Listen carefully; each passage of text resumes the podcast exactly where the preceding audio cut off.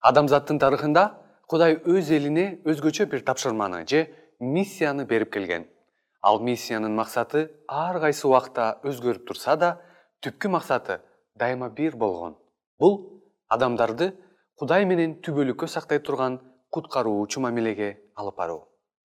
Дүйнөбүздө болуп жаткан чоң согуштарга табигый кырсыктарга ооруларга жана башка үрөй учураган окуяларга байланыштуу көптөгөн адамдар коркунучка батышат. Биз чынында эле жер тарыхынын акыркы күндөрүндө жашап жатабызбы деген суроо туулат. Ыйык китепке ылайык бул дал ушундай. Бүгүн биз силерди келечекте боло турган окуялар жөнүндө эскерткен ыйык жазуудагы даниэль жана аян китебиндеги пайгамбарчылыктар менен тааныштырабыз. Аларды изилдөө менен жер тарыхынын акыркы күндөрүнө даярданып кудайдын бизге болгон максатын түшүнөбүз. Бирок бул пайгамбарлыктарды түшүнүү үчүн биринчи кезекте контекст же түшүндүрүү керек. Ошондуктан тарыхтан кыскача сабак эки миң беш жүз жыл мурун кудай бир жаш жигитке маанилүү тапшырма берген. Ал кызматтын таасири анын өмүрү бою гана эмес баардык кылымдарды ашып өтүп ушул күнгө чейин уланат. Анын аты даниэль болчу ал келечектин анын ичинде жер тарыхынын акыркы күндөрүндө эмне болоору тууралуу сырларды жана пайгамбарчылыктарды ачкан. Ыйык китептин аян китебинде даниэль ачкан бул пайгамбарчылыктар жөнүндө жакшы айтылат. Ал аларды ачык китеп деп атап акыр заманга чейин мөөрлөнүп жабыла турганын белгилейт. Даниэлге берилген бул пайгамбарчылыктар символдорго толуп коркунучтуу көрүнүшү мүмкүн. Бирок алардын чыныгы маанисин түшүнүү зарыл анткени алар ушул күнгө чейин ачылып жатышат. Аян китебин жазган жакан аттуу шакиртке кудай мындай деген. Бул ачык китепти ал жана же. Ал курсагыңда ачуу болот бирок оозуңда балдай таттуу болот балдай таттуу бирок ачуу китепти жеп көрдүңүз беле. Мунун баары эмнени билдирет? Келгиле муну тактап алалы ачык китеп. Биз буга чейин билгендей даниэлге кудай берген пайгамбарчылыктарды билдирет. Ал пайгамбарчылык эки миң үч жүз күндөр жана түндөр жөнүндөгү пайгамбарчылыкты камтыйт татаал детальдарга кирбей негизи биз даниэль менен аян пайгамбарчылыктарында бир күн бир жылга барабар экенин билебиз.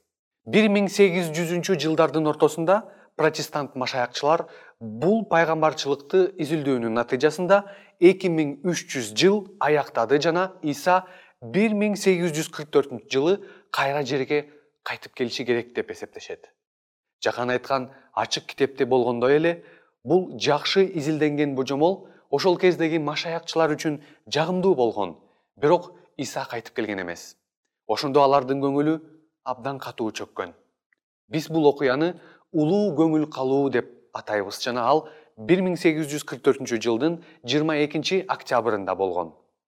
Иса машаяктын келбегенинин себеби кудайдын жолдоочулары ыйык китептеги пайгамбарчылыктарды туура эмес түшүнүп кээ бир маанилүү деталдарды байкабай коюшканында. Анткени аян китебинде алар чечмелей албаган кошумча символикалык кабар камтылган.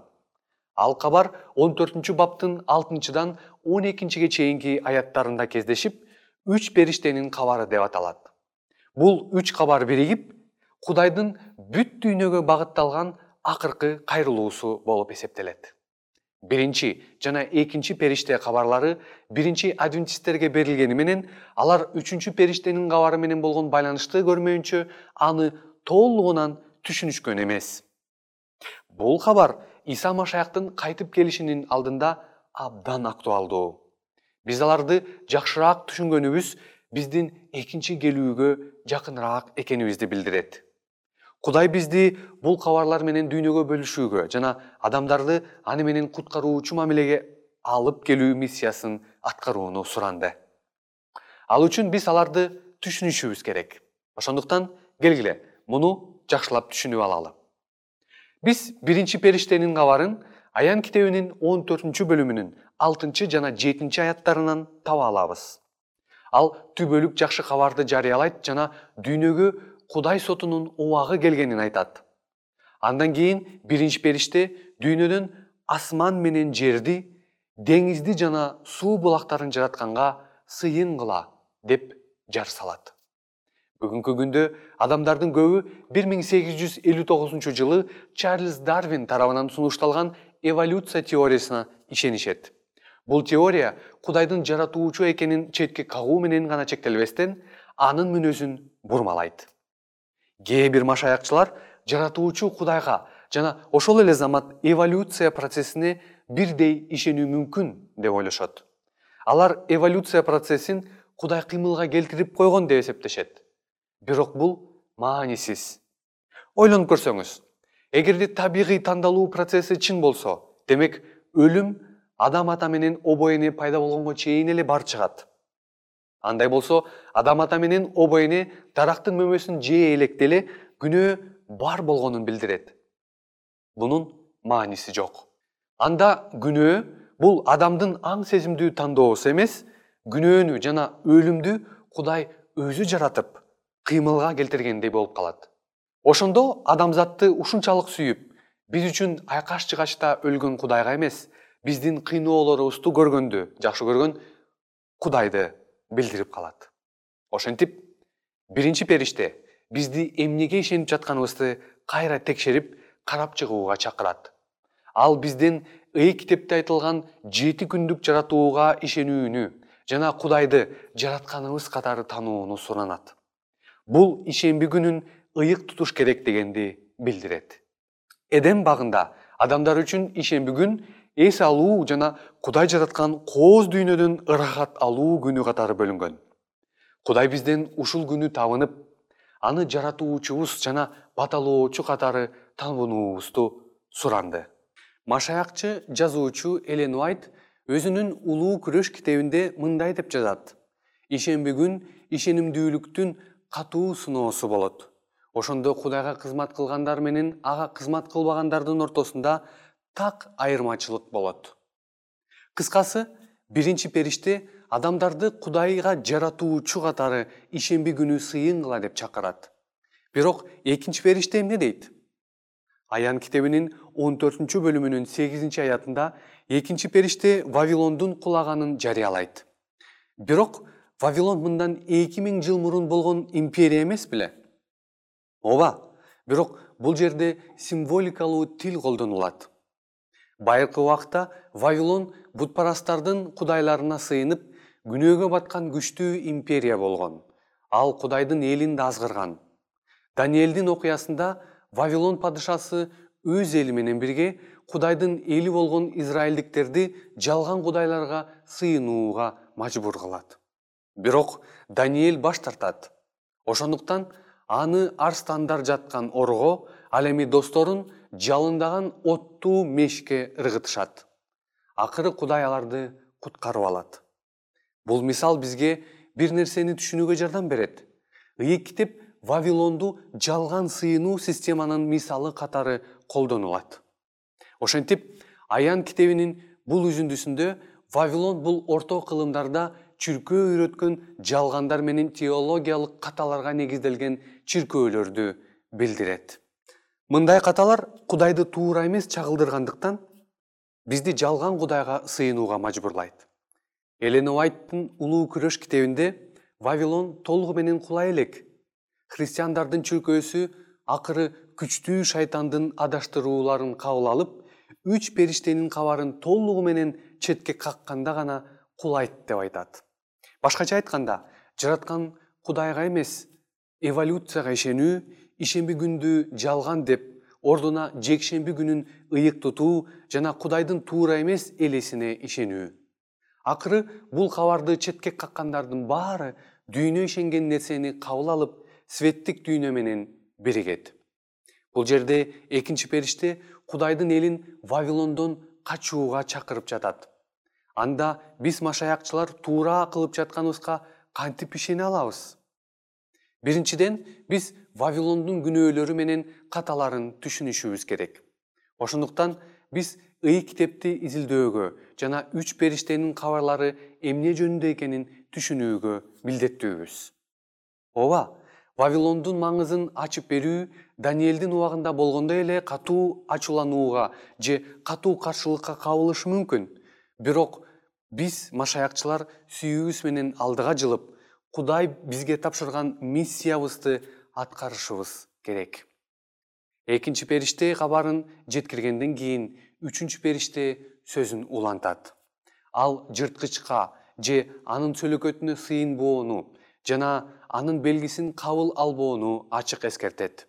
Жана бул жерде дагы албетте символикалык тил колдонулат. Аян китебинин он үчүнчү бөлүмүндө тастыкталгандай бул жырткыч динди бурмалаган чиркөөнү билдирет. Динди бурмалаган деген чиркөө бул ыйык китепте жазылгандай кудайдын чындыгын четке кагып чыккынчылык кылган чиркөө. Абдан татаал деталдарга токтолбостон бул жырткычтын образы америка кошмо штаттары экенин билебиз. Улуу күрөштө элен уайт түшүндүрөт. Америка кошмо штаттары жырткычтын образын жаратышы үчүн чиркөө иерархиясы жарандык өкмөттү көзөмөлдөшү керек. Ал өз максаттарына жетүү үчүн өз ыйгарым укуктарын колдоно алат. Эки жүз жылдан ашуун убакыттан бери америка кошмо штаттары дин тутуу эркиндигинин чырагы болуп келген. Бирок библиялык пайгамбарчылыкка ылайык убакыттын өтүшү менен бул диний эркиндик бузулат жана жалган машаякчылар өкмөттү көзөмөлдөп анын каалоосуна туура келген мыйзамдарды кабыл алышат. Ал эми чиркөө менен мамлекеттин ортосундагы бул мамиленин талаптарына макул болбогондор жазага тартылат. Бул жырткыч адамдарды жалган сыйынуу күнүнө башкача жекшемби күнүн ыйык сактоого мажбур кылат. Пайгамбарчылык менен айтканда биз муну жырткычтын белгиси деп атайбыз кээ бир жыйындар ишемби жетинчи күн ишембиден жекшембиге которулду деп ырасташса башка чиркөөлөр жекшемби күнү машаяктын тирилүүсүн эскерүү үчүн сыйынышат. Бирок бул сөздөрдүн бири да ыйык китептеги чындыкка негизделген эмес. Акыркы күндөрдө адашкан диндин жетекчилери ишемби күндүн ыйык экени жөнүндө ыйык китептин далилдерин четке кага албай ишемби күндү туткандарды куугунтуктап түрмөгө камашат. Ушул окуялар учурунда үчүнчү периштенин кабары күчтүү таасир этет. Анткени адамдар пайгамбарчылыктын ыйык китепте жазылгандай так аткарылганын көрүшөт. Мунун баары биз үчүн бир аз коркунучтуу жана басымдуу көрүнүшү мүмкүн. Бирок биз бүгүн бул теманы талкуулаганыбыздын себеби кудайдын сөзүн өзүбүз үчүн изилдөөгө жана жакынкы келечекте боло турган нерсеге даяр болууга чакыруу а биз коркпошубуз керек. Биз ыйсага көңүл буруп жана анын айткандарына баш ийсек ал бизге күч берүү үчүн ыйык рухту жиберүүнү убада кылат жана башкаларга анын чындыгын жеткирүү тапшырмасын аткарууга жардам берет. Ал үч периштенин кабарын бөлүшүүгө жардам берет. Бүгүн мен сизди кудайдын чакырыгына жооп берүүгө чакырам. Ооба кудай мен сенин күчүң менен барып үч периштенин кабарын жарыялайм. Жана сенин сүйүүңдү дүйнө менен бөлүшөм. Сен мени кайда гана жөнөтпө мен барууга даярмын. Аминь.